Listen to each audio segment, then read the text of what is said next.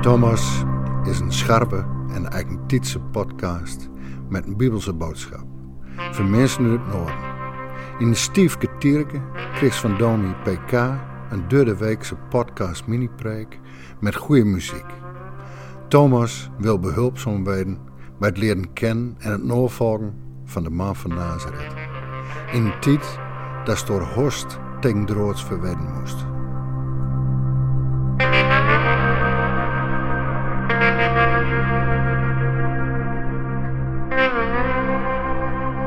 Heb jij dat ook wel eens, dat je geloof even of langer op een laag pitje staat? Dat het je allemaal niet zoveel meer zegt. Het geloof raad je niet meer. Je kunt er niet meer blij van worden. Je gaat terug verlangen naar het geloof van je kindertijd of dat speciale gevoel dat je had tijdens een bijzondere gebeurtenis of dienst. Het kan zelfs gebeuren dat je jaloers wordt van de intens opgeheven handen van een medegelovige.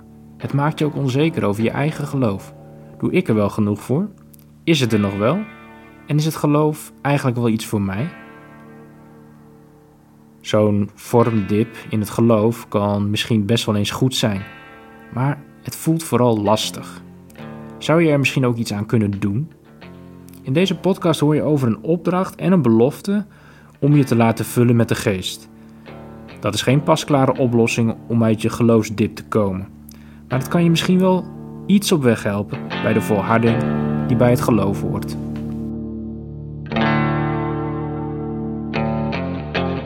Efezes 5, versen 15 tot en met 20. Kijk dus goed uit welke weg je hem gewoon. Gedroog hem niet als haalwiezen, maar als verstandige mensen. Gebruik je hem door goed, want we leven in slechte tijd. Wees niet onverstandig, maar probeer te begrijpen wat de Heer wil. Gooi niet te buiten aan drank, want het leidt tot losbandigheid, maar laat de geest je hem vervullen. En zing met kop psalms, gezang en lieden die de geest je hem ingeeft. Zing en jubel met heel je hart voor de Heer. En dank God, die een papa is, altijd voor alles in de naam van onze Heer Jezus Christus.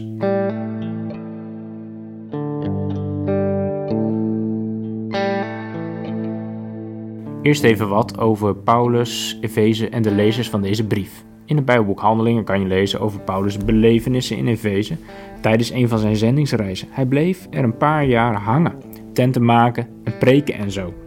Dat was een strategische zet, want Efeze was in die tijd, vanwege de ligging, een belangrijke haven- en handelsstad. Er kwamen allerlei mensen langs op doorreis richting Rome of Macedonië, of juist de andere kant op, richting Antiochië, Jeruzalem of zelfs Egypte. En zo kon het evangelie vanuit Efeze alle kanten op. Paulus begon zijn missie zoals altijd in de synagoge bij de Joden. Maar daar had hij weinig succes en dus ging hij lesgeven vanuit het huis van ene Tyrannos. En beetje bij beetje groeide vanuit die plek de groep gelovigen. En zo raakte het evangelie in de regio bekend.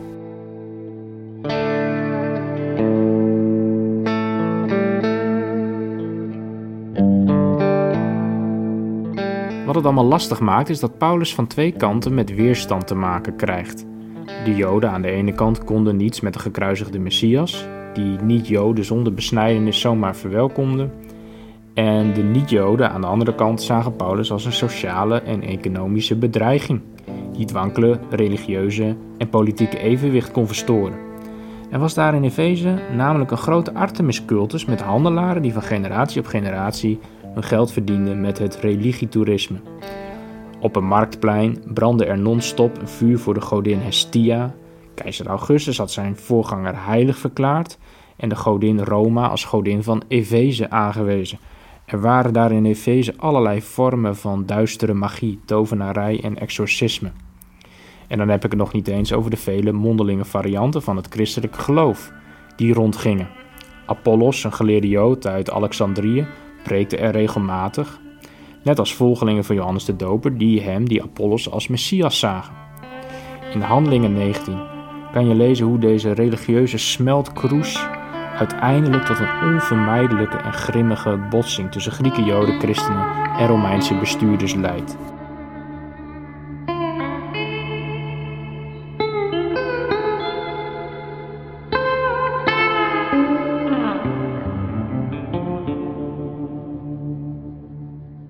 Nu heb je misschien een beetje een beeld van de ingewikkelde wereld waarin christenen zich toen moesten oriënteren.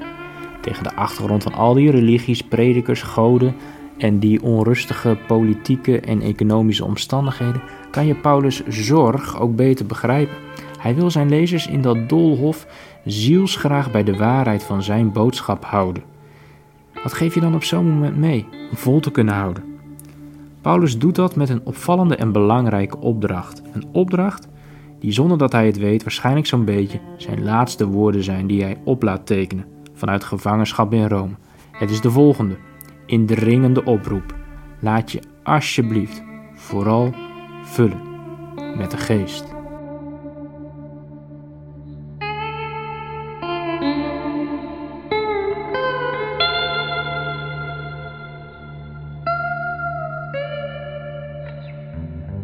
Maar wat bedoelt Paulus met die vervulling met de geest?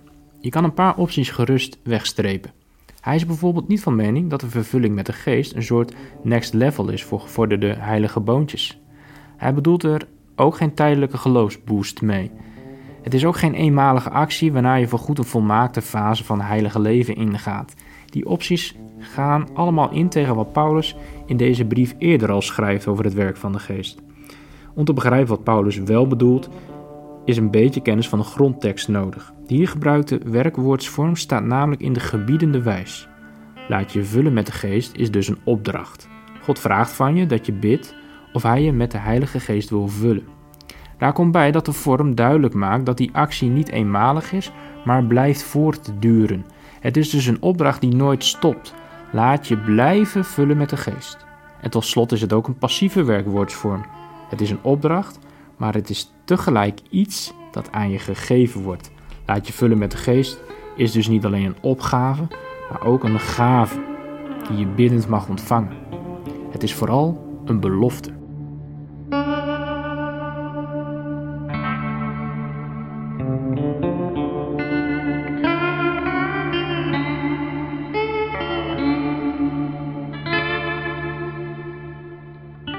Maar hoe ziet dat eruit? Hoe merk je dat je vol bent van de geest? Ben je dan helemaal in de Heer en altijd in hogere Hosanna-sferen? Om daar iets van te begrijpen gebruikt Paulus het beeld van wijn. Wanneer je daar flink wat van drinkt, raak je onder invloed.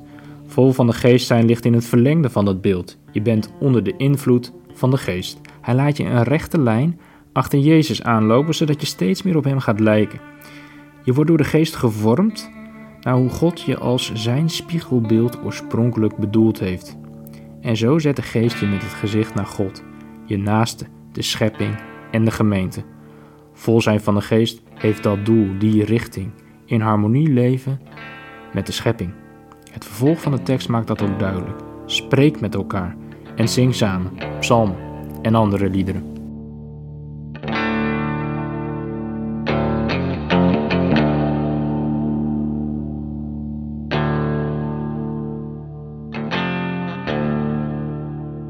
Wanneer je bedenkt tegen welke achtergrond Paulus dit tegen die mensen in Efeze schrijft, gaat dit ook vandaag voor mij echt wel leven. En ik hoop ook voor jou. Want ook nu komt er van alles op jou en mij af. Rellende burgers, ontevreden complotdenkers, twitterende kapslokpolitici, christengekkies met eindtijdtheorieën en steeds weer al die meningen die elkaar tegenspreken aan tafel bij Op1 of Jinek of andere media Iedereen lijkt zijn of haar levensfilosofie, religie of politieke overtuiging bij elkaar te knippen, plakken en googelen. Echt wel mooi en interessant, maar ik kan er geen hel in zien of ontdekken. En dan spreekt mij zo'n rustpunt en anker als de Heilige Geest ook zo bijzonder aan. Geen navelstaarderij, maar iemand van buitenaf die mij vol maakt met eerbied voor de eeuwige God eeuwige God en zijn missie om deze wereld te redden en weer mooi te maken.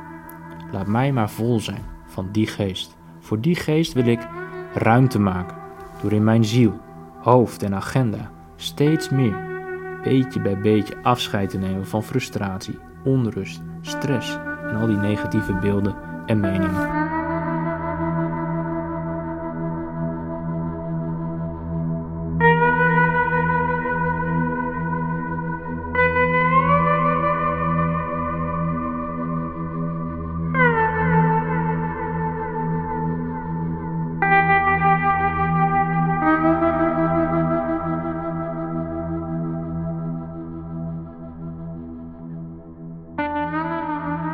Nog even een laatste dingetje wat wel belangrijk is om even tot je door te laten dringen.